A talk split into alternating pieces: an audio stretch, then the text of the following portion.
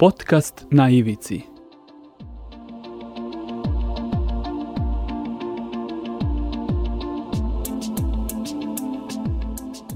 Na ivici. Pozdrav ljudi, stiglo je proleće i dobrano smo već zapravo zagazili u, u ovogodišnje doba, srećemo se prvi put u maju.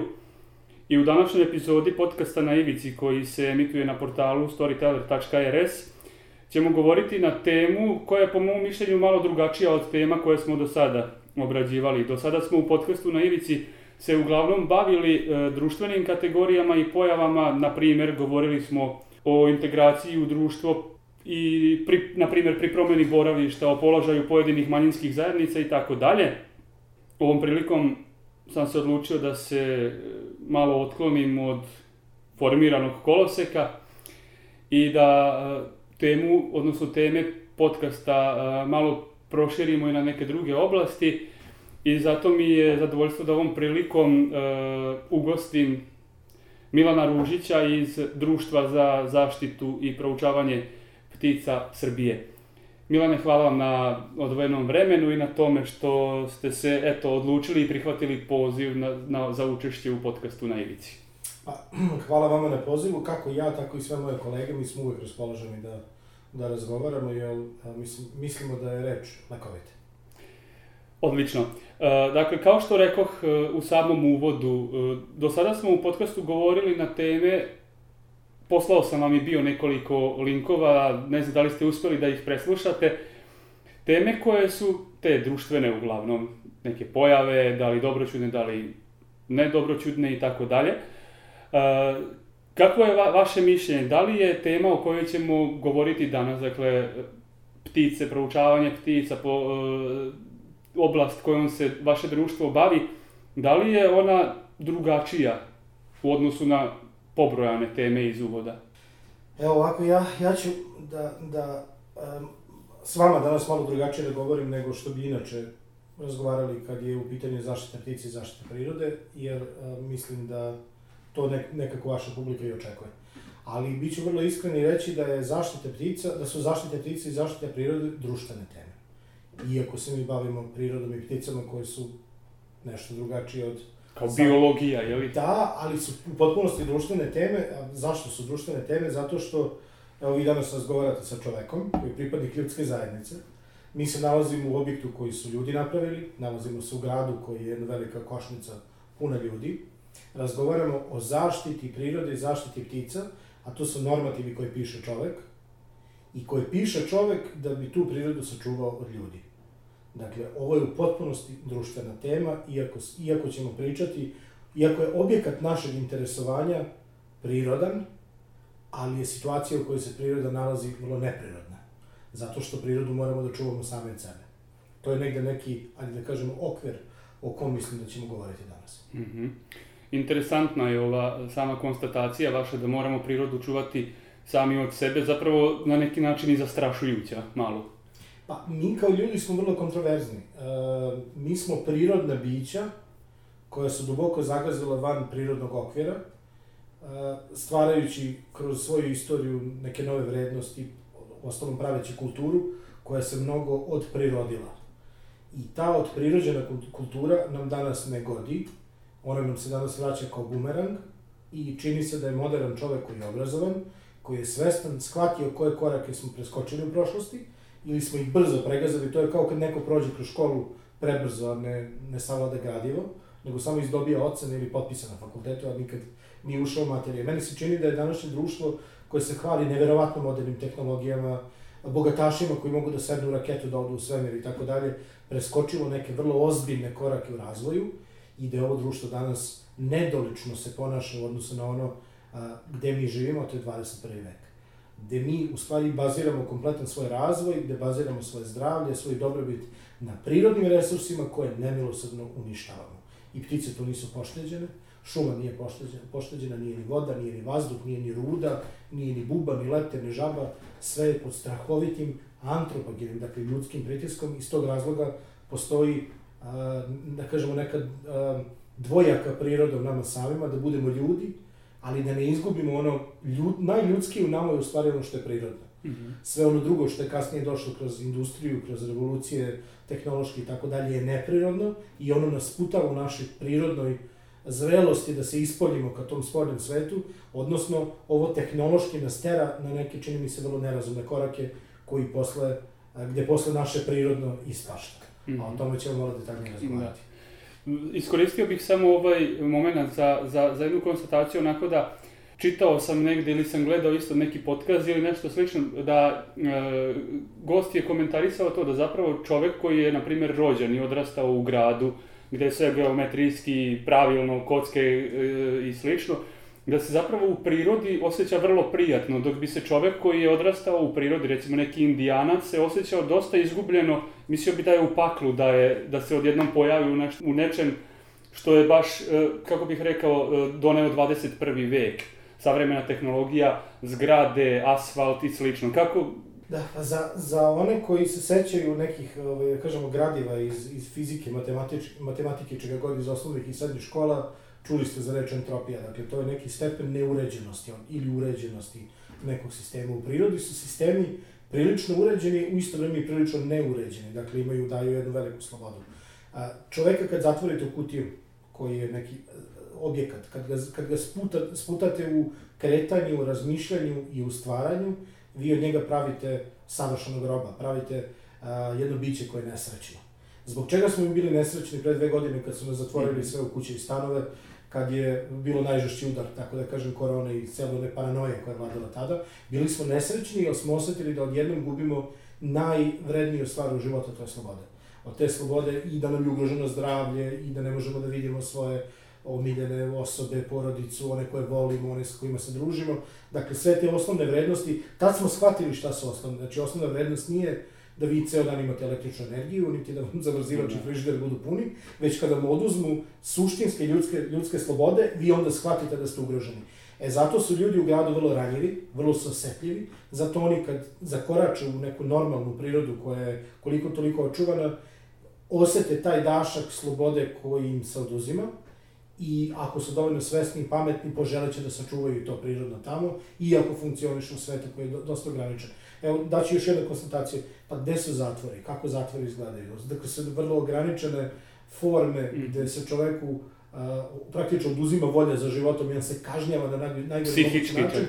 pa i fizički i psihički, ograničenjem kretanja, ograničenjem a, socijalnog nekog, neke interakcije, ograničenjem njegovog stvaralačkog momenta koji je čoveku vrlo bitan. To je ono što kaže Rama Madeus, a, razlika između čoveka i majmuna je što čovek ima taj kreativni deo. Mi smo samo majmuni koji smo malo kreativni. da, Dakle, mi u biti jesmo, jesmo prirodna bića, ma koliko nas neki drugi ubeđivali da smo nešto drugo. Ne, mi smo pre svega prirodna bića i moramo to da, da sačuvamo to u sebi, jer je to najvredniji deo nas. polako bih uvodio u priču i, i, i samu, sam, sam centar teme. E, prokomentarišite ovo, da li smatrate onda da je tema koju danas ćemo detaljnije obrađivati u narednom delu emisije na ivici? Da li se dovoljno govori eto, i na temu prirode i na temu zaštite ptica i ostalih živih e, bića koje, koja su eto, tu sa nama? Pa, ja ću biti slobodan da kažem da se ovim temama nikad više nije govorilo niti na globalnom, niti na nacionalnom, a čak ni na lokalnom nivou. Dakle, nikad više sigurno, jer prvo nikad nije bilo ovoliko stanovnika na planeti, nikad planeta nije bila ovoliko narušena u smislu životnih uslova za čoveka, mi govorimo iz aspekta ljudi, jel tako, da, u ovom trenutku, i sa druge strane nikad nije bilo toliko mogućnosti da se čovek ispolji kroz različite oblike medija, ovih tradicionalnih internet medija, radija, podcasta, društvenih mreža, šta god vam padne na pamet, svuda možete doći do nekih informacija. Dakle, nikad se nije govorilo više, a nikad nije bilo lošije stanje prirode. Dakle, ovo koliko mi sad o tome razmišljamo i pričamo, apsolutno nije dovoljno. Dakle, mora još više i mora još bolje. To vam je kao kad pitate vrhunskog umetnika ili sportista da je zadovoljan, nikad neće biti zadovoljan zato što uvek misli da, da ima prostora za napredak. Ovo nije umetnost, niti je sport, da se mi takmičimo da bi bili lepši, bolji ili poznatiji, ovo je trenutak da mi spašavamo živu glavu. Dakle, ova planeta je toliko ugrožena, naš život je toliko ometen i toliko je na ivici, gde mi ne znamo šta nas čeka u ponedeljak, u septembru ili za dve godine, tako da sad moramo da pravimo i rezervne strategije, bukvalno, bukvalno rezervne strate, strategije opstanka na ovoj planeti. Pogledajte sad situacije koje vas čekaju kad točite gorivo na pumpama, ili kada odlazite u markete da kupujete hranu, dakle vi ne znate koja vas cena tamo čeka, zato što vam poručuju preko medija, oni koji donose odluke i kažu mi ne znamo šta će biti, mi ne znamo da li nečeg ima dovoljno, i vi se onda stavite u situaciju da ste građanin koji obitava u jednoj betonskoj kutiji, da živite u stanu na 12. spratu u nekog urbanog centra, gde vi ne možete da proizvedete ništa, I sad odjednom vas neko, neko zatvori ovaj snabdevanje hranom, šta vi onda radite? Pa imate jednu klasičnu paniku, tako. Mm. Tako da, to je ta neizvesnost, to je taj život na ivici. Mnogo će bolje proći ljudi koji znaju da proizvodu hranu, koji znaju hranu možda i da ulove i da nađu i, i šta god od nekih nas ili nekih vas ili koga god, koji na to nisu spremni. To je neki najgori scenario ili zapravo neka realnost koja... To je, to je potpuna realnost, to se u ovom trenutku događa. Nema tu, nema tu najgore scenariju, to se događa. Mm -hmm. A, više od polovine stanovništva žive u velikim urbanim centrima i to stanovništvo glupo je što će ovako da kažem, parazitira na leđima drugih koji u stvari rade za njih one najteže i naj, najodgovornije poslove, to su upravo priprema hrane, energije i svega onog ostalog da bi ljudima u gradovima bilo lagodno. I tu, tu, evo, stavit ćemo tačku na tu temu, ali stvarno moramo da shvatimo da da smo mi koji živimo u gradskim sredinama vrlo neodgovorni prema onim drugim ljudima koji su tamo negde u, u nekom ataru na planini, čuvaju ovce, obrađuju krompir, malinu, jabuku, kukuruz, pšenicu, bilo šta. Dakle, mi smo neodgovorni, mi njima takođe sad proizvodimo problemi, jer mi u gradovima koji konzumiramo najveću količinu i hrane, i vode, i pića, i, i energije i svega, u stvari mi smo ti koji narušavamo ovu planetu i ceo sistem. Jasno. E, možemo onda sada pređemo i da nam kažete nekoliko reči o, o, samom društvu. Dakle, ko je dobro došao? Da li ste vi svi ovde u društvu ornitolozi ili niste, ili mogu amateri doći, svi ljudi koji vole prirodu, vole ptice? Pa, teško da bi mogao da dam primer šarenolikije družine od, od našeg društva. Dakle, kada govorimo o nama konkretno ovde, mi se sad nalazimo u našem sedištu, koji je od 89. godine u Novom Sadu, nije na ovom istom mestu, malo smo se šetali zato što nemamo svoje sobstvene prostorije pa se snalazimo, ali u principu nas ovde sad ima 12 kolega u, izvinjam se, 14 kolega u Novom Sadu i ima, ima nekoliko kolega koji rade iz drugih gradova i imamo još jednu kancelariju u Beogradu gde imamo pet, petoro kolega. Tako da 22 ljudi svakodnevno u radno vreme, a mnogi i u neradno vreme, brinu o tome da ovo društvo funkcioniše na najbolji mogući način, da naši članovi budu namireni, snabdeveni informacijama, dobrim idejama, dobrim akcijama, da se pticama pomaže, da se prirodi pomaže i da uvijek budemo u dobrom kontaktu sa medijima, sa građanima, sa institucijama i tako dalje. Naši članovi su neverovatno šarenolika družina, dakle od dečice, koje su najčešće učlanjene kroz neke porodične članarine, preko njihovih roditelja koji su univerzitetski profesori, majstori, zemljoradnici, šumari, advokati, lekari, dakle, apsolutno sve što vam pada na pamet od profesija i od različitih usmerenja životnih, mi takve ljude primamo k sebi, bitno je da ti ljudi poštuju naš statut, naša osnovna načela, zbog čega smo mi kao udruženje građana osnovani, i naravno da tokom godine, tokom nekog vremenskog perioda doprinose radu udruženja i naravno da uživaju svim tim blagodatima koje zajedno stvaramo, a to su različite publikacije, to su izleti koje pravimo, različiti materijali, obrazovni programi koji imamo za naše građane, za članove, za volontere, za bilo koga. Možda će zvučati naivno pitanje sledeće, ali šta se radi u kancelariji, a šta na terenu?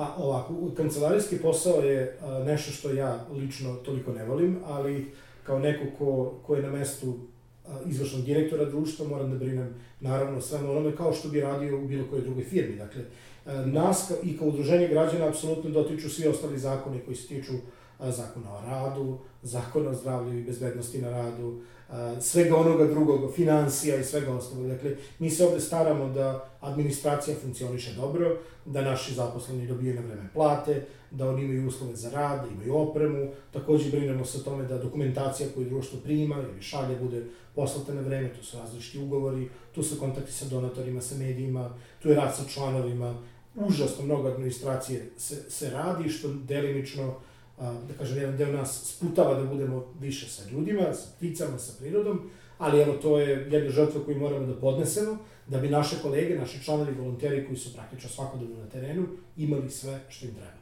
To je, a, zato su naše dve kancelarije, u nekom narednom periodu možda i tri i četiri, u različitim regionima u državi, zato su one vrlo bitne, kako bi bile servis onima kojima je potrebna informacija, oprema, a, podatak, sve ono što je vrlo značajno za naš rad A, moram da se pohvalim i time da smo mi od 2016. do 2021. godine primili oko 12.000 poziva građana, koji su uglavnom bile servisne informacije gde mi pomažemo građanima da dođu do institucija, da prijave neke slučajeve koji su kršenje zakona, da se zbrinu povređene divlje životinje, uglavnom ptice, da dođu do materijala koje mi štampamo, da im pomognemo da se snađu u prirodi, da kontaktiraju sa drugim ljudima i tako dalje i tako dalje. Evo mi u proseku sada u ovom prolećnom periodu primimo dnevno do 20 telefonskih poziva koje obradimo, damo apsolutno najkvalitetnije moguće informacije koje građani treba da dobiju i tu smo zaista na usluzi, a naše dežurne kolege koje su na društvenim mrežama praktično 24 sata su aktivne i mogu da pomognu svakome kome je to potrebno. Zašto je to toliko važno? Zato što živimo u jednom sistemu koji prilično loše funkcioniše, gde su institucije često nedostupne, gde neažurno odgovaraju i građani su, nažalost, izgubili poverenje u njih, tako da mi kao udruženje funkcionišemo praktično kao neka mala tampon zona, tampon služba između građana i institucije, gde a, radimo ogroman posao u korist državnih institucija, same države, zato što primimo puno poziva, apela za pomoć, obradimo ih, pomognemo građanima i na taj način ti pozivi neće zagušiti kanale komunikacije ka institucijama, a one koje zaista moraju dobiti institucijama, kao što su kršenje zakona ili neki akutni slučajevi gde se mora životinjama pomoći, gde se primiti, gde su povređeni, upucane otrove i tako dalje, to mora da ode dalje. Dakle, puno toga mi mhm. sami možemo da uradimo sa građanima da pomognemo i to je ogroman benefit koji mi kao udruženje dajemo celoj ovoj našoj zajednici. A, takođe, servisne informacije koje mi šaljemo odavde kroz medije, kroz društvene mreže, su neke informacije koje građani verovatno nikako na drugi način, način ne bi dobili. I opet kažem, institucije se bave drugim problemima, imaju nedovoljno kapaciteta, nemaju dobre PR službe ili ko zna šta je u pitanju, ali mi to neumorno radimo. Dakle, svaki put kad se pronađe neka nova vrsta ptice za faunu Srbije, kad se dogodi neki vrlo značajan, neka značajna stvar, kad, kad postoji nešto što zaista mora da se obelodani, verujte da je tu u medijima oko par sati. Mm.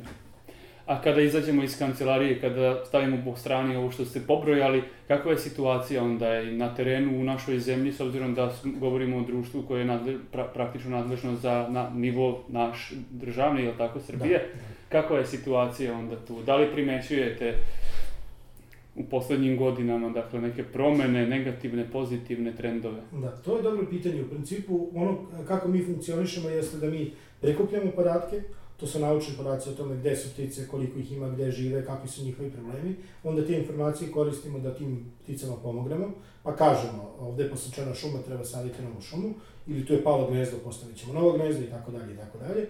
I ono što je treći neki stub jeste rad sa ljudima. Dakle, to je obrazovanje, to, je, to su programe različite koji radimo da bi stvorili jednu zajednicu koja držimo. To se sve uglavnom dešava van kancelarije.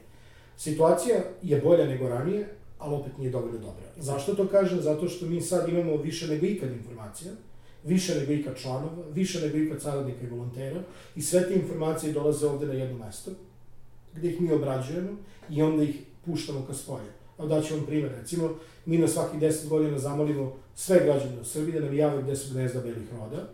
One su, nažalost, uglavnom na stubovima za prenos električne energije, gde, nažalost, rode često stradaju, Evo, mi smo kao udruženje od 2005. godine do danas postavili preko 400 bezbednih gnezda na, na dalekovodne stubove širom Srbije, uglavnom u Vojvodini, tu je najveća koncentracija roda, ali uvek imate nove parove koji prave na novim betonskim, metalnim i drvenim banderama gnezda. Ako nam građani ne jave tu informaciju i ako mi ne znamo da je roda tamo stradala, ne možemo joj pomoći ali pošto su građani revnosni, pošto oni taj problem shvatili, naučili smo im da, ih da je to problem, oni nam jave i onda mi zajedno sa institucijama i donatorima koji nam pomognu da, da to uradimo, napravimo bezbedna gnezda, postavimo na te bandere i onda praktično omogućimo da se rode na tom mestu bezbedno gnezdo narednih 30, 40, 50 godina.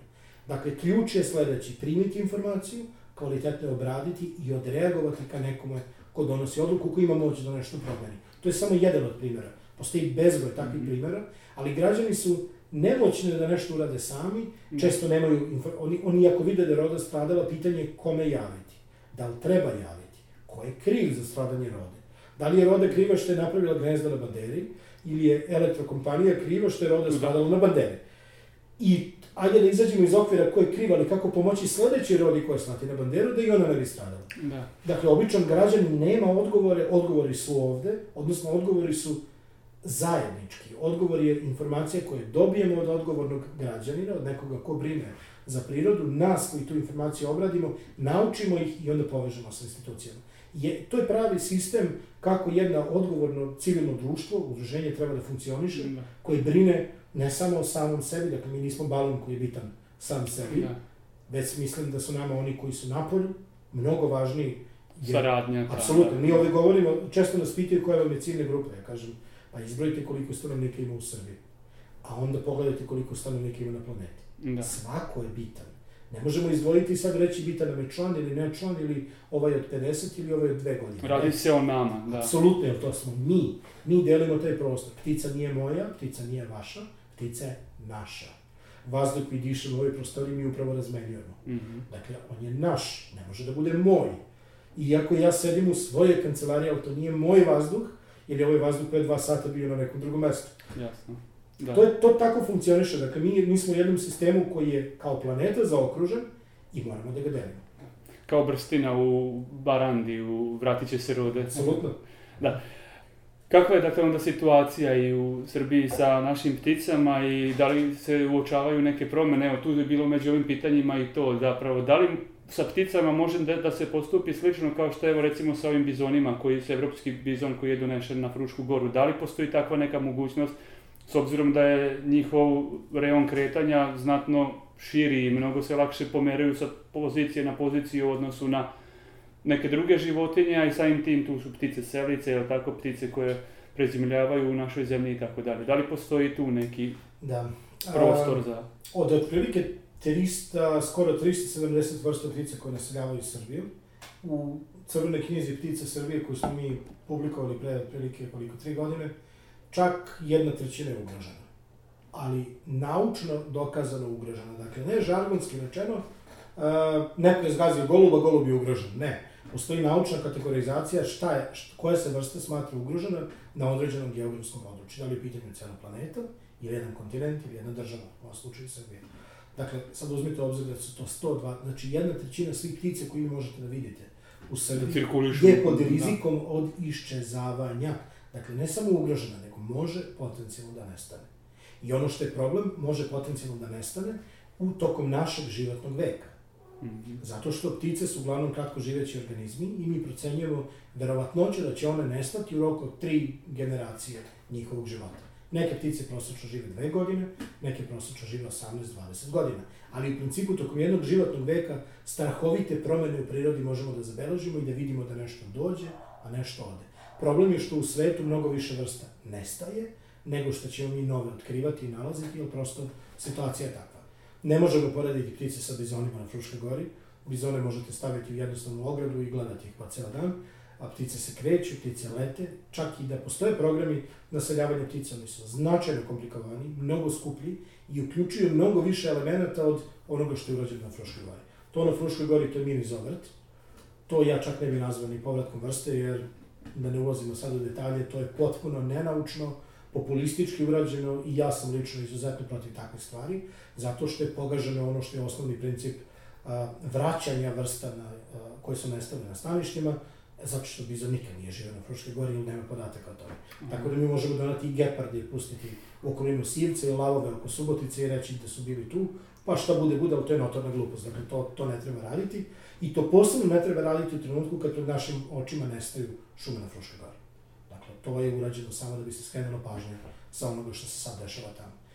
A, naš, evo daću primjer iz okruženja. Naše kolege u Bugarskoj, čija je priroda prilično očuvana, prilično zanimljiva, slično kao i u Srbiji, posebno u tom planinskom delu, sarađuju već duže od 15 godina sa međunarodnim organizacijama koje su iz Zapadne Evrope, pre svega i Španije.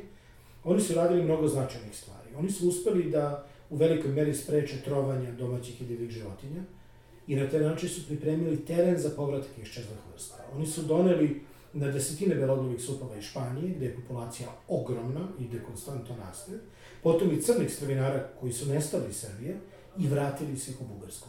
Kroz jedan relativno kratak vremenski period te ptice su naučili da tu treba da ostanu, crni strvinari već i ostavljaju potomstvo, a belodnovi supovi su čak formirali velike nove kolonije na mestima gde su nekad postojale kolonije ranije. U Srbiji su dobre stvari urađene sa nekoliko vrsta, ali nigde nisu donošene. Dakle, nije bilo tog procesa uzimanja s jednog mesta i vraćanja, Daću primjer jednog od najspektakularnijih povrataka u ovoj državi, to je modrovna, to je jedna vrlo zanimljiva ptica selica koja vrlo kratak period godine provodi ovde kod nas, dolazi krajem aprila, boravi toko maja, juna i jula u Srbiji već tamo krajem jula, avgusta kreće za Afriku. Inače, vrlo atraktivna, bojom, ponašanjem, oglašavanjem, izgledom celokupnim ove vrsta, koja pripada, ajde kažemo, toj afričkoj fauni, jer samo jedna iz, iz, iz vrsta modrovena živi u Evropi, a punih više ima ovaj, na jugu, odnosno u Africi. A, o čemu se radi? Dakle, vrsta je nestajala iz Srbije zato što vrlo jednostavno u Vojvodini su bile posečene stare stablo u kojima se te ptice knezdile. Naše kolege iz udruženja Riparija i Subotice su počeli da postavljaju po ugledu na mađarske kolege preko granice, počeli su da postavljaju posebno napravljene drvene kutije za gnežđenje na neka mlađa stablo na bandere i došli smo u situaciju da za nekih 20 godina od svega sedam gnezdećih parova mi sada u Vojvodini možemo da se pohvalimo populacijama od preko 350 parova. To je neverovatan uspeh, ne samo na nivou Srbije i Balkana, već i Evrope. Dakle, toliko puta povećati populaciju, jednim aktivnim radom pokazuje da su promene u prirodi moguće, da ih mi možemo dirigovati. Kako ali, nagore, tako i nabolje. Apsolutno, ali ovo je, ovo je dobar primer, neke situacije ne možemo da vratimo. Zašto je ovo dobar primer? Pa zato što stanište nije izgubljeno. Vi možete stavljati koliko god hoćete gnezda, ako modrvena nema šta da jede, ona neće tu ostati. Možete staviti koliko god hoćete gnezda, ako preoremo sve pašnike i livade, neće biti staništa. Tako da, a, bilo je staništa, bilo je hrane, postavljene su gnezda, Modrovana je lagano zauzimala teritoriju, one su krenule od severa Vojvodine i svake godine osvajale po nekoliko kilometara. Mladunci kad se vrate naredne godine, oni prvo dolaze na roditeljsku teritoriju, tu bivaju isterani od roditelja i onda traže prvu slobodnu, tako da su se praktično u koncentričnim krugovima ili polukrugovima širili od Subotice i došli su već do Novog Sada. Primećujem entuzijazam na vašem licu kako govorite na recimo ovu temu, tako da e, ne treba, pretpostavljam onda zaključujem da ne treba biti baš pesimista, nego neki oprezni optimista zapravo. Absolutno. Da... Ja se jako ponosim, zato što u ovom programu Vaće Modrovana je učestvovalo preko stotinu ljudi. Svako ko je doprinao makar jednim šrafom koga je koristio, ili jednim podatkom koji je sakupio, ili jednom pticom koji je prstanovao, posmatrao, fotografisao, doprinao nečemu što će biti veliki ponos za naše buduće generacije. Mi smo pokazali da se stvari mogu raditi. Drugi dobar primjer su beloglavi supovi. Ptica koja je praktično počela da nestaje iz, sa područja Balkana 50. godina zbog organizovanih strahovitih trovanja vukova, šakala, medveda, čega god u tom periodu, je vraćena zato što su ljudi još 80. godina, stručnjaci, počeli da organizuju takozvane restorane za beloglave supove. Privlačući ptice na bezbedno mesto i dajući im izvore hrane i delimično obnavljajući tradicionalno stočarstvo, a sa svega šest parova beloglavih supova, koliko je bilo 96. godine, mi sad dolazimo u situaciju da ih imamo preko 150. Možda i više od toga, vidjet ćemo kakve su poslednje brojke do ove godine. I tu smo pokazali da možemo, ali smo izgubili puno toga isto vremena. Dakle, neke ptice, odnosno neke elemente prirode možete relativno, ajde kažemo, jeftino, ne u smislu novca jeftino, ali u smislu ulaganja energije, materijala... Na jednostavan način. Da, jednostavan način vratiti, ali neke jako teško možete vratiti, evo daću primer, ako vi potopite neku veliku klisuru i od brze reke, gde su živele pastovske ribe, napravite veliko stajaće jezero, vi ne možete očekivati da će ikad ta pastorka da se vrati u takvo jezero. Dakle, to je trajno izgubljeno, a pritom je podignut nivo vode, vrste koje su živjele u pukotinama stene su zauvek izgubljene. Dakle, takve stvari ne možete lako vratiti nazad. Možete ako slušate branu. I sve ispočetka. Ispočetka krenete, ali to je, to je vrlo skupo, ali naš često građani pitaju šta mi možemo da uradimo za ptice i za prirodu. Odgovor a, ih možda malo zagolica, malo ih šokira. Moj odgovor prema njima je često nemojte uraditi ništa loše. Dakle, hajde da počnemo od toga. Mm -hmm. Hajde da prvo naučimo šta je to, koji su to naše navike, koji su to naša pona, obrazci ponašanja koji doprinose da u prirodi se nešto loše dogodi. Vi ne morate otići na reku da biste ugrozili žabu, ribu, dabro i korneču, dovoljno je da konstantno kupujete plastične kese.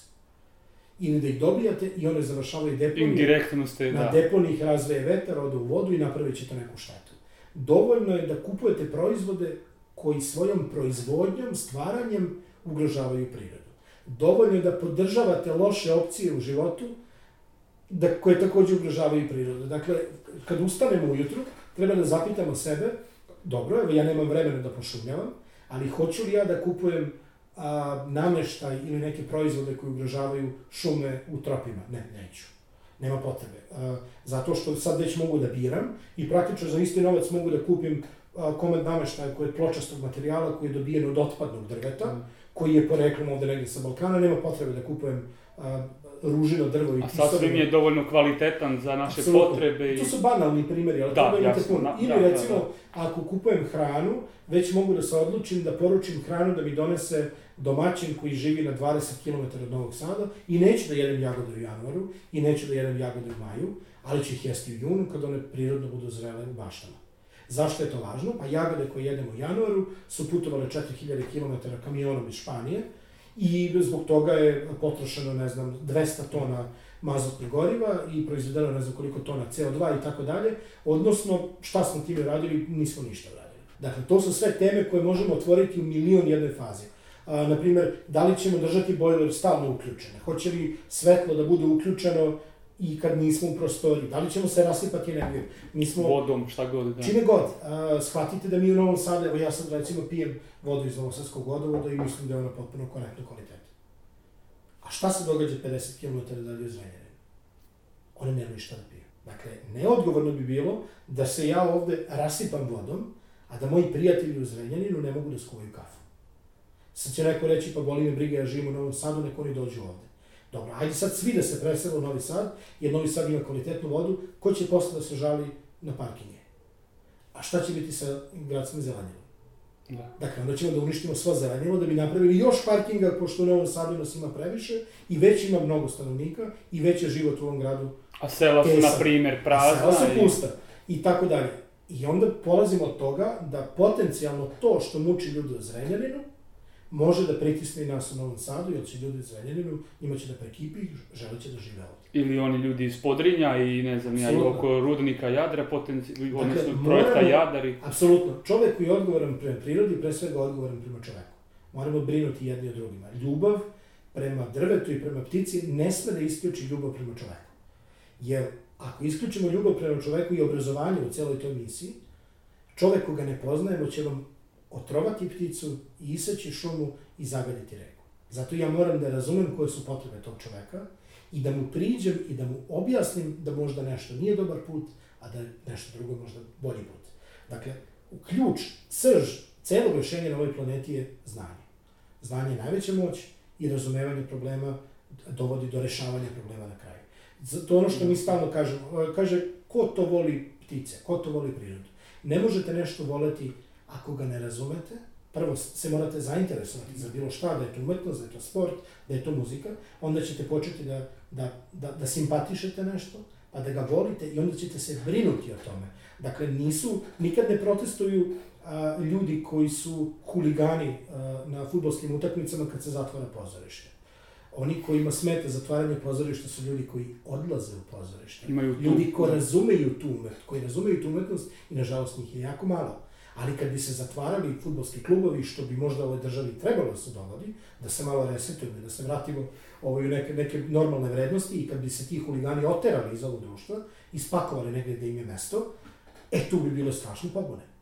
Zato što je ta strana ovog društva našeg, svih nas, prevagnula tamo gde ne treba.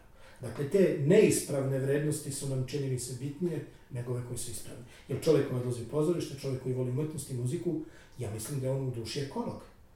Da on razume ljudsku svest i da on razume šta drugo treba sačuvati voleti, jer on ne može da isključi jedno od drugoga. A onaj ko to ne razume, ko je pun mržnje, srdosti, besa, I sama umetnost, evo kako govorite, ona nekako je zapravo e, neki rasadnik, nešto kreativno, nešto što se stvara, dok hu, sam pojam huligana zna se zapravo šta označava krš, lom i slične neke stvari, uništavanje. Uništavanje, pa upravo, evo, ja se ne sećam da, da se nama u poslednjih 20 godina ikad obratila jedna navijačka grupa, jedan futbolski klub, i čak ono, gotovo ni jedan sportski klub koji je rekao, dobro, evo, sad ćemo da izvedemo 200 ljudi napolje, hajde zajedno da sadimo drveće. A nama se obraćaju gudački kvartet, pozorište za decu, obraćaju nam se nezavisni umetnici, filmačije, pesnici, koji kažu vi radite divne stvari, mi smo na istom putu, ali na dva različita koloseka. Hajde da, da Zajednički odaberemo cilj, da. zajednički cilj i da idemo istim kolosekom. E, to je prava stvar. Zato ja kažem da ove vrednosti koje mi ovde propagiramo u suštini su, zvuče neskromno, ali su najprizemnije normalne ljudske vrednosti. E, mi ovde zagovaramo zajedništvo, zagovaramo razmenu, zagovaramo uključivanje, nikako isključivanje, zagovaramo obrazovanje i na kraju zagovaramo neverovatnu ljubav. A to ako pogledate a, sa ove strane, tu neko, neko će reći pa to je sad religijski govor. Nije, ja, ja sam nereligiozan u tom smislu. Ako će nekom zvučiti kao religijski govor, super, jer će se pronaći cijeli priči, ali u suštini to je možda i ono što razne religije propagiraju. Da. I vraćamo se opet na temu zaštite prirode. Mnogo je lakše čuvati svoje, svoju kuću i svoje dvorište, nego brinuti o tuđem dvorištu. Zato je ljubav koju mi možemo da podelimo kad brinemo o žabi, čini mi se i veće nego kad brinemo o čoveku. Lakše je razumeti čoveka. Lakše je shvatiti ljudsku bol, jer mi smo deo tog, te ekipe. Da. Kako mi da razumemo da li orlu krstašu nešto smeta? On ne može da nam kaže, on ne može da nam pokaže. Moramo to da pratimo, da gledamo, da merimo. Moramo da uđemo Sami zaključujemo onda. Zato da. što tu nam treba mnogo nauke, tu treba mnogo znanja, to je vrlo mukotrpno. Daću vam jedan primjer. A, ogromne populacije ptice grabljivice su nestajale 50-ih, 60-ih i 70-ih godina. Naučnicima je trebalo preko 20 godina da shvate o čemu se radi. Shvatili su da je jedan pesticid, koji se zove DDT, odgovoran za takozvani efekat tanke ljuske jajeta. Dakle, on nije direktno ubijao ptice, već je uticao na njihov metabolizam, tako da one snesu jaje koje ima neverovatnu tanku ljusku, ženka legne na njega i jaje se praktično razbije, prospe se. I one tako godinu za godinom, godinu za godinom nemaju mladunce, na kraju odrasli ti stari roditelji uginjavaju, nema potomaka Nema potom. i vrste izumiru. Vlade, više od 20 godina naučnicima, ali pametnim, obrazovanim naučnicima, trebalo to da shvate. Zamislite da se to događa sad. Prva reakcija stanovništva bi bila prskaju nas iz vazduha. 5G. A, to nam rade Rusi, ne, to nam rade Amerikanci, ne, to nam radi NATO, ne, to nam rade Kinezi. Dakle, mi smo sad primitivniji i, slobodno sve da kažem, gluplji nego pre 50 godina. Njima je tad trebalo u tom sistemu gde je manjkalo i nauci novca, i sredstava, i aparatura i svega toliko da shvate, čini mi se da mi sad idemo jednim putem regresa. Kad su to ljudi naučili, oni su zabranili korišćenje tog pesticida i gle čuda odjednom ustanovili da su i ljudi patili od nekih Da. vrlo zanimljivih sim, simptoma i sindroma i da je to takođe uticalo i na naše mentalno zdravlje i generalno na zdravlje i tako dalje. Ista je situacija bila sa olovom koji se nalazi u izduvnim gasovima, koji je uticao na pamćenje, na razvoj, na motoriku kod dece, na, na razvoj naših polnih organa i tako dalje, gonada, tako da kažem. Da. I onda kad smo shvatili da je to prvo loše za životinje, onda je bila reakcija, ups, možda je loše i za ljude, pa smo onda to znanje počeli da primenjujemo na nama samima i onda smo izbacili a, olovo koje bi dodatak motornim gorivima, što je dovelo do toga da verovatno pomognemo naš, našem zdravlju. Da. Ali to je sve neki paralelni proces. Dakle, ove lekcije koje mi dobijamo zaštiti prirode će, nam pomo će pomoći nama samima, zato što smo priroda mi sami. Nekoliko puta ste već pominjali to e, samo trovanje i slično. Eto, u aktualnom ovom periodu u brojnim medijima se pisalo o trovanju i ptica i orla sa grba Republike Srbije i slično. Da li je onda baš to, to neodgovorno ponašanje čo, čovekovo zapravo glavni uzročnik ovih problema? Ili opet je to sve složeno, zaokruženo kao što ste i do sada govorili? Postoji nekoliko slojeva. Dakle, prvi sloj je e, takav da sigurno postoje ljudi koji ne razumeju problem i uradit će nešto zato što ne znaju i izazvaće neku lošu pojavu. Izvinite, možda najlakše je reći ono, to su poljoprivrednici neodgovorno Ne, oprskali, ne znam ne, ja šta. Ne, ne, ne. Evo sad ću to da objasnim. Postoje poljoprivrednici definitivno koji a, nepravilno koriste preparate i povremeno mi nailazimo na takve slučaje. Postoje ljudi koji a, mrze divlje životinje i koji misle da su one izvor nekog njihovog problema, mi to kažemo postoji konflikt između ljudi i nekih životinja. Evo daću vam jedan primjer.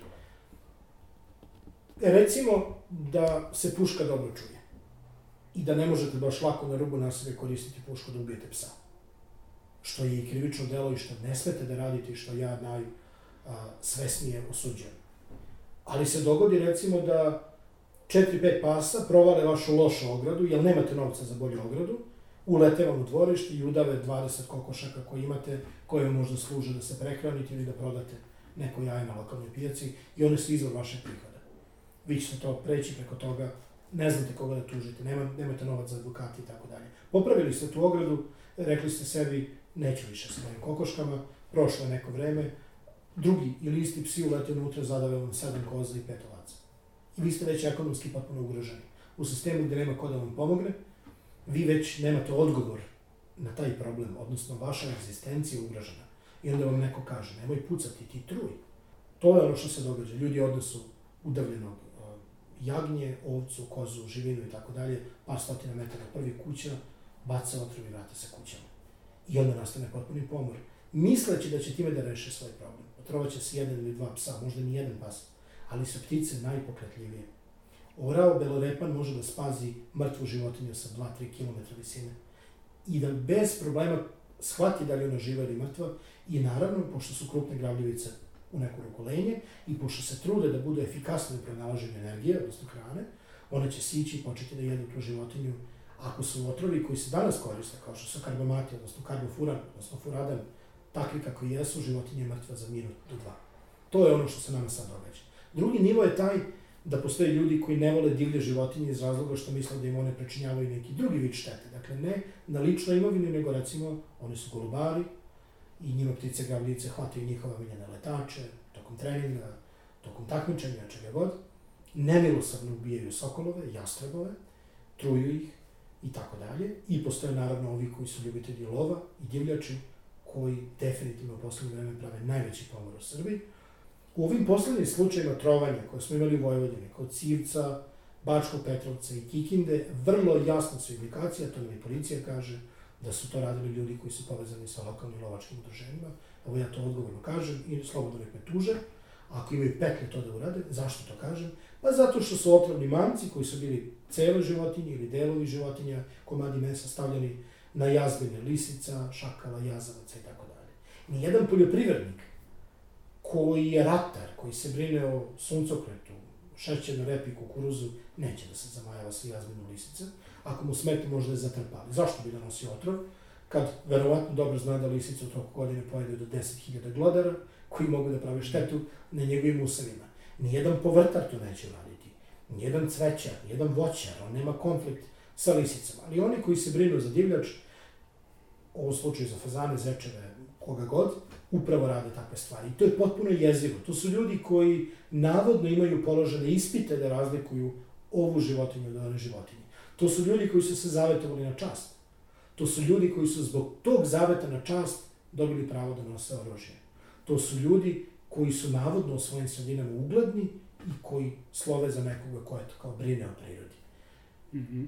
Takvima nije mesto među nama. Takvima je mesto u dugogodišnjim zatvorima dok se dobro ne opamete. I to hitno mora da se dešava. Zato što to što mi imamo 65 objava za dan o tome kako je otrovana ptica sa nacionalnog grba, u medijima pokazuje da mediji i da generalno građanstvo Srbiji je reklo da je ta pojava loša i odredilo se prema njoj, rekavši to je krivično delo, ljudi treba da budu kažnjeni. Ali gde su toj priči institucije? Ako ljudi u selu znaju ko truje, a tužilac ne zna, onda nešto u sistemu ne funkcioniše. Ono što mi često u šali kažemo policajcima i tužijacima je idite u seosku kafanu, poručite dve ture pića i dobit ćete koje krivac. Ovaj, vrlo lako će neko početi da peva, radite svoj posao. Dakle, glupo je da ja pričam kako treba raditi isleđivanje, neko ide u školu za to, neko to jako dobro zna, samo ja postavljam pitanje zašto institucije ne rade svoj posao. Podsjetit ću da je trovanje divih životinja i domaćih životinja koje se često događa u naseljima nije problem ubijanja životinja. To je i komunalni problem. A to je pre svega problem javno, javne bezbednosti i javnog zdravlja. Da li ja mogu da znam da li je neki ludak koji šeta okolo sa par litara furadana a, hteo da truje mačku ili da to sipa u bunar? Ili je to hteo da sipa u gradski vodovod? Ili je to hteo da sipa na dečije igralište? Mene to ne treba da interesuje. Kao što i policajca ne bi interesovalo da li vi šetate sa bombom po gradu da je bacite u Dunav, u park ili u neči stan. Dakle, vi šetate sa bombom kroz grad i vi automatski odlazite u zatvor. Tako i ovi ljudi koji truju u prirodi, u ataru, u šumi, u naselju, verujete da je Beograd puno otrova, po parkovima, po dečim igralištima, to je neverovatno šta se događa, čak i u urbanim sredinama, evo skoro je bilo veliko trovanje upravo ovde na novom naselju, dve ulice dalje odavde, ljudima je otrovano za nekoliko sati 4-5 pasa na igralištu. Ko su ti ljudi? Da li vi želite da živite u istom ulazu, stan pored stana, sa nekim ko je, ko baca otvorene dečje igralište? Vraćam se na ovu temu. Stradale su nam grabljivice, stradala je ptica sa nacionalnog grba, truju se razne životinje, ali okolo hode ljudi koji su opasnosti za, ve, za mene i za vas. Opasnosti za javnu, za javnu bezbednost. Podsjetit ću da je jedan litar otrova koji još uvek nekako cirkuliše na sivom tržištu, crnom tržištu tog uradana, nesretnog, da može da ubije ogroman broj ljudi. Dakle, u Senti, ako se ne varam, zaplanjeno 15 litara na vašaru i tih 15 litara je bilo dovoljno da ubije oko 25.000 odraslih ljudi. Dakle, to je jedna ovako solidna velika opština. U Srbiji je mogla da bude potpuno obrisana sa samo 15 litara tog otrova. Toliko je jak. Strašno. Mi vidimo kad odlazimo na teren da recimo nađemo leš lisice koja je prethodno otrovana i nju su počele da jedu ptice grabljivice, eje, mišari, orlovi, oni uginjavaju na svega 20-30 cm. Dakle, otrov je toliko jak, on deluje praktično centralni nervni sistem, paraz, a, parališe disanje, parališe rad srca, životinje uginjavaju u strašnim bolovima, u velikom grču i padaju na lice mesta. Šta mislite recimo šta bi se dogodilo kada bi a, golub koji je namazan otrovom, a to se često događa, pao u dečije obdanište, u dvorište ili u školu? Šta rade naša deca kada nailaze na životinju koja je bespomoćna? Pa prilaze uzimaju ruke. Da pomognu, da. Da pomognu, jer zato što deca, deca su iskrena, deca iskreno žele da urade stvari. E ti ludaci rade to nasilima. Ili bacaju komadiće mesa, ili kobasice, ili bilo čega, sa nervnim boljim otrovom kakve je furadan. Da, ovo su neke baš ozbiljne stvari To su naše komšije. Mi Da. možda poznajemo te ljude. Mhm, Mi možda idemo jedni kod drugih. Ali ne znamo tu drugu stranu njihovog, njihovog ponašanja. da. Kao kad biste se vi pobunili, kad bi neko uzeo a, kalašnikov i šetao po gradu i imao ceo redenik metaka kod sebe. To nije normalno. Ista je situacija sa otrovom. Dakle, namera otrova nije da nekog ofarba, nego da nekog ubije. Jasno. E, hteo bih još e, da se vratimo i na temu, evo, ja i, i lično sam, e, kada sam, ne znam, da li sam isto pročitao, načuo ili kako već, tu tezu da zapravo kao šta je sa vrapcima, nema vrabaca je to, pa sam i ja lično počeo da obraćam pažnju na to i zaista sam primetio da ih ne primećujem toliko koliko ih sam, sam ih primećivao ne tako davno. Da li je zaista e, vrabaca manje ili je to neka isto, kakva su vaše istraživanja, šta pokazuju? Da, mreža organizacija BirdLife International u kojoj mi radimo je pokazala da iz Evrope nestalo nekoliko stotina miliona I tu period od svega 30 do 40 godina. To su strahovite brojke. To je, verovatno, to je ptica koja je verovatno najviše stradala, zato što je nije bilo svuda i bilo u velikom broju. Mnogo razloga postoji. A ljudi nas često pitaju i kažu, a zašto nema vrabaca? I očekuju jedan odgovor. Jedan jednostavno. I onda mi kažemo, kosmičko zračenje. Ili kažemo, nekvalitetan burek. Ne, ne možemo. Nažalost, u prirodi su uticaji toliko isprepletani da ne možete dobiti jednostavan i brz odgovor, zato je priroda toliko zanimljiva, zato ona privlači toliko ljude i neiscrpan je izvor a, našeg zanimanja i našeg saznanja. Kod vrabaca je situacija takva da su oni došli da žive u Evropu kad je Evropa bila, bila ruralna. Svi vrapci su poreklom iz Afrike, Bliskog istoka, iz nekih krajeva koji su polupustinski otvoreni. Kad je Evropa bila jedna ogromna šuma, tu nije bilo vrabaca. Vrapci ne žive u šumama, oni žive na rubu šuma i u Srbiji, znači imamo četiri vrste vrabaca, kod, ali mi govorimo uglavnom o ovim vrapcima pokućarima, eventualno poljskim vrapcima koji su najbliži ljudima. Pored njih ima jedan vrabac koga zovemo kamenjar, koji živi na samom jugu Srbije, španski vrabac, koji sporadično živi uglavnom na jugu i na istoku Srbije. Povremeno samo Vojvodini. Ali ovi vrapci pokućari, kako ih mi zovemo džedžani i tako dalje, su naše prve komšije. Kada su naši dedovi, bake, bili, bili mali, on, svako imao vrapca na svom krovu, ispod slemena, ispod crepa, bilo kakva pok- pokrivka da je bilo u pitanju, svako domaćinstvo imalo štalu. Svaka štala imala domaće životinje. Sve domaće životinje su jele žitarice. Gde god se e, žitaricama hrane domaće životinje, tu ima i rastura hrane. Da ima rastura hrane, ima golubov i vrabac. Evo vam jedan od odgovora. Kad smo počeli da prebacujemo životinje u industrijski nivo gajenja, dakle, specializovane štale, sa posebnim Obori, kako da, sve da, to, da, da. Onda, su, onda smo izgubili kontakt sa životinjama. Onda smo počeli da proterujemo divlje životinje, plašeći se da će nam prenositi bolesti, zaraze, viruse, parazite i tako dalje. Pa smo ih onda dodatno suzbijali, proterivali, pa smo onda te životinje još više industrijski, zatvorili. Sad svaki modern, moderna farma svinja ima mrežice, nema ni komarac da uđe unutra.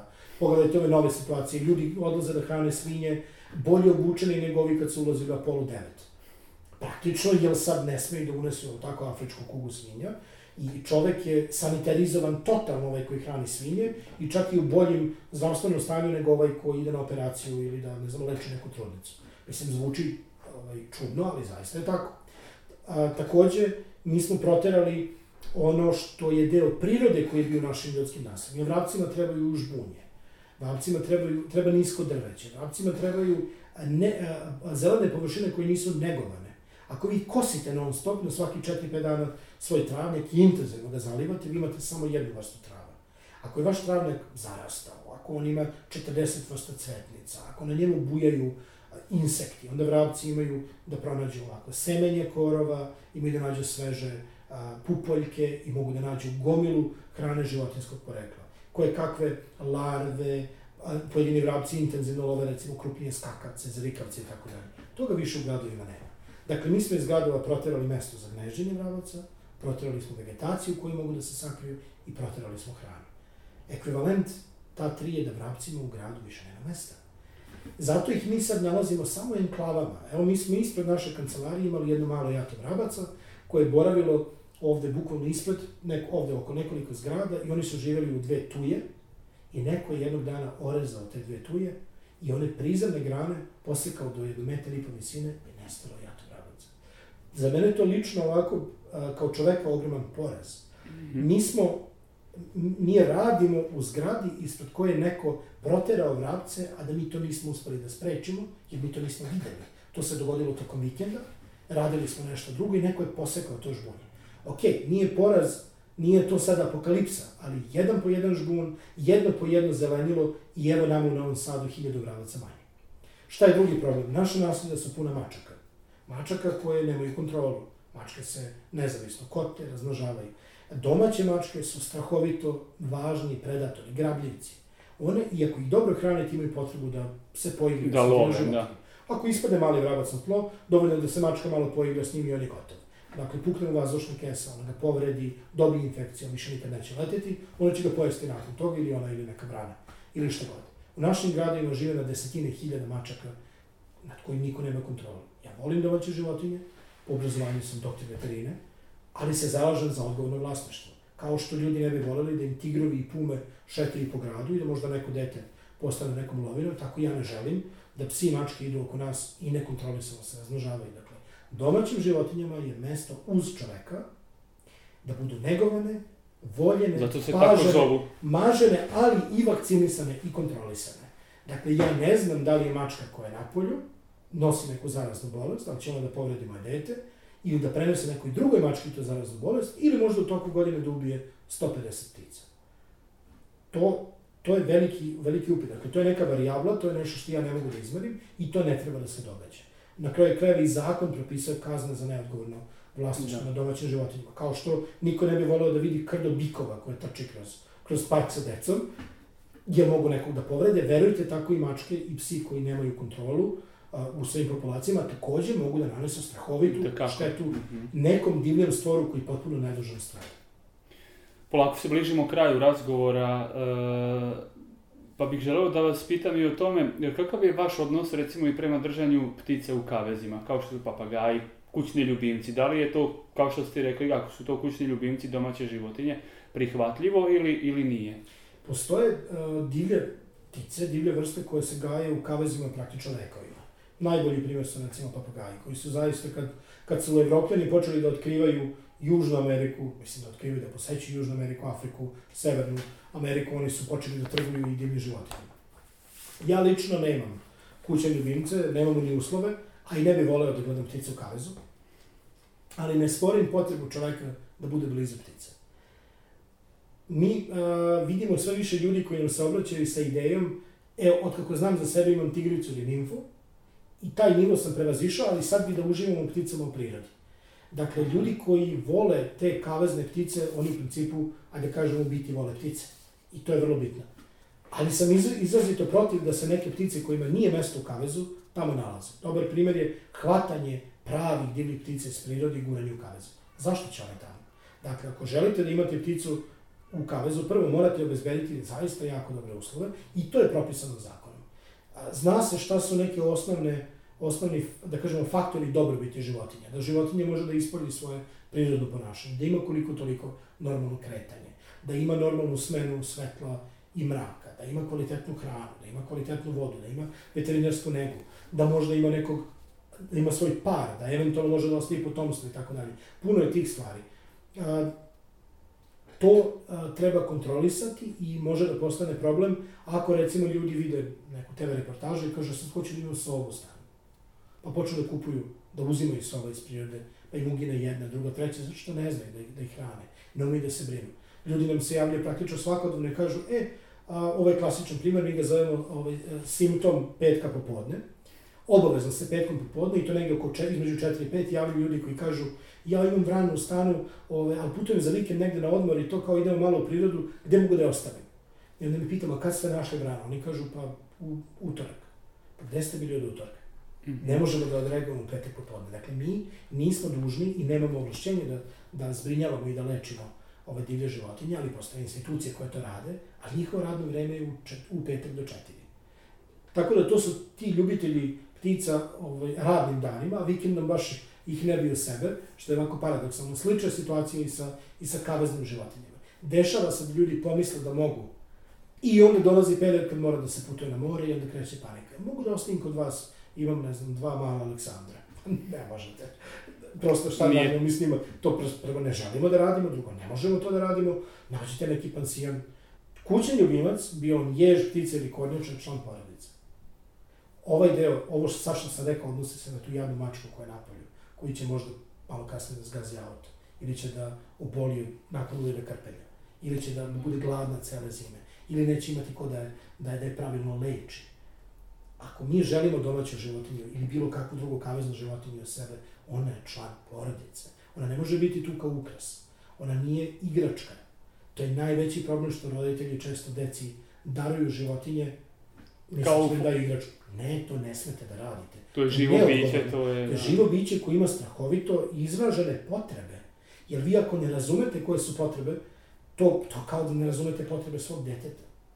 A to zanemarivanje deteta je krivično delo. Da. E tako i u ovom slučaju ne smete zanemarivati potrebe, potrebe ovaj, i gajnih životinja. Ako već želite da uradite nešto korisno, kada se ptice pitanju, javite se nama, postanete član našeg društva, a rado ćemo vas sve naučiti ali ćemo vam dati priliku da uradite nešto korisno za ptice u prirodi. I verujte da je to, da je taj osjećaj neverovatan. Ja znam, jer ja znam kako je lično meni, kad mogu da vidim plod nekog zajedničkog rada svih nas. Kad mi možemo da kažemo, 2016. smo imali samo jedan par orlog krstaša, sad ih imamo pet. Ali pet parova ptice koje na nacionalnom grbu, koja je izuzetno redka. I nadamo se da će ih biti uskoro i 10, i 15, i 20. Ali Ja to ne mogu da uradim sam. Nas dvoje to ne možemo, nas dvojice to ne možemo da uradimo. Ne može ni deset ljudi. Zato je potrebno milion ljudi. Jer ako jedan od nas milion bude trovao, nema ni nas, nema ni snaža.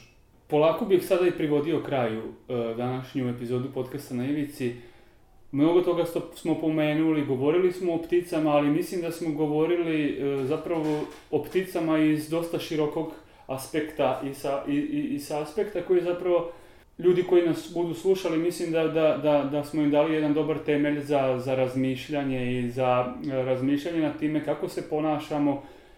Upravo Takav tako. mi je utisak, da... Upravo tako, nisam teo da pričam samo klasično biološkog aspekta, ima toliko nogu, toliko krila, toliko jaje, toliko mladunaca tokom godine, te enciklopedijske stvari ćete lako pronaći. Možete ih I nije to zapravo ni suština ovakve. To nije suština. A ako bi mene neko pitao zašto ja radim ovo što radim, Ja to radim zato što se osjećam dobro, mislim da radim neku društveno korisnu stvar, ali ja to ne radim za sebe, ja to radim za nas. Da, zato je to društveno korisna stvar. Ni umetnik ne stvara za sebe. On to prenosi nekom drugom, on daje od sebe. U principu, uh, ne znam ko je to rekao, ovaj, zato i neću da, da, da citiram na kraju na taj način, ali uh, neko je pametno rekao, naći ćemo već ko je to kasnije, neko je pametno rekao, uh, u principu vi imate samo ono što date.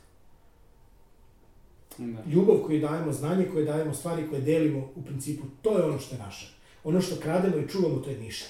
Mhm. Tako i akumulacija kapitala i svega ostalo, to je jedan veliki šanon, to, je- to je balon, to je ništa. Mi zajedno smo sve, a pojedinačno smo ništa. Zato je zajedništvo u stvarima o kojima sam ja danas ovde pričao ključ. Dakle, ako nama priđe pet ljudi i kaže hoćemo da posadimo pola hektara šumice, nađite nam sadnice, evo mi ćemo naći sadnice za dva, tri dana, pet dana. I uradit ćemo to zajedno. Ali ako niko ne, niko ne dođe sa dobrom inicijativom i željom da nešto promeni, neće te šume biti. Problem je taj što mi tu šumu nećemo videti da je porasla za našeg života, ali ona treba još nekom.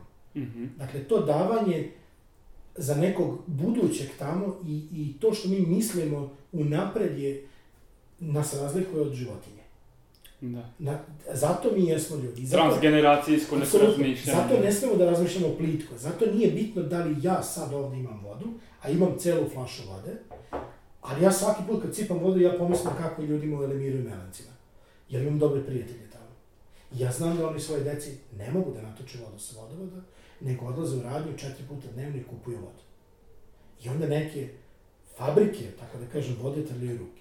Zato što ljudi u tim selima u Kazeljene nemaju vodu. Ali oni makar mogu da se istuširaju tom vodom. A onda razmišljam o tome gde žive milioni ljudi koji nemaju ni za tuširanje. Mhm. I onda se pitam da li je pravedno to što ja mogu uvek da odvrnem vodu i da imam, a da neko nema ništa. I da li je pametno to što se mi ovde rasipamo energijom, vodom, hranom, a da neko nema ništa. Zato što i taj neko drugi čovek i taj neko drugi za, za, vapi za mojom pažnjom i vašom pažnjom i pažnjom vaših slušalaca.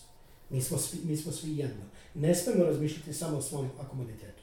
Jer to je potpuno pogrešno. To nas vodi svim mojim problemima o kojima pričamo. Onda ćemo da kažemo, nema veze ko truje, nema veze ko ubija, nema veze ko radi ovo, nema veze ko krade, nema veze ko laže. Da. Ako mene ne dira. Ako mene ne dira, da. Ali da li vas ne dira? Na kraju dana sve nas to košta. Jer jedno neuređeno društvo uvek negativno utiče na svakog pojedinca, hteo to pojedinac da prizna ili ne. Zato smo puni gneva, zato smo nezadovoljni, zato što smo svesni da ovo društvo nije uređeno. To je Duško Radović lepo rekao, la, lako je glupima. Glupi ne znaju da su glupi, voli briga. Oni koji, oni prosto njih ne tangiraju stvari, Da. njih, njih boli briga za sve. Eto, hvala vam na ovom inspirativnom e, razgovoru. Ja sam zaista uživao u razgovoru sa vama. E, mislim da smo preneli jednu dobru poruku. E, samo za kraj ću reći da je sa nama bio Milan Ružić iz Društva za zaštitu i proučavanje ptica Srbije. Hvala vam na odvojenom vremenu. I to bi za sada bilo toliko sa narednom pričom u podcastu na Ivici na portalu storyteller.rs ćemo se slušati krajem maja.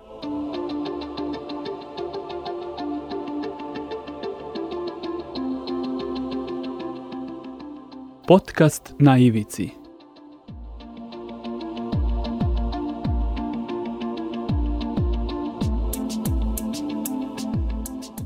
Na ivici.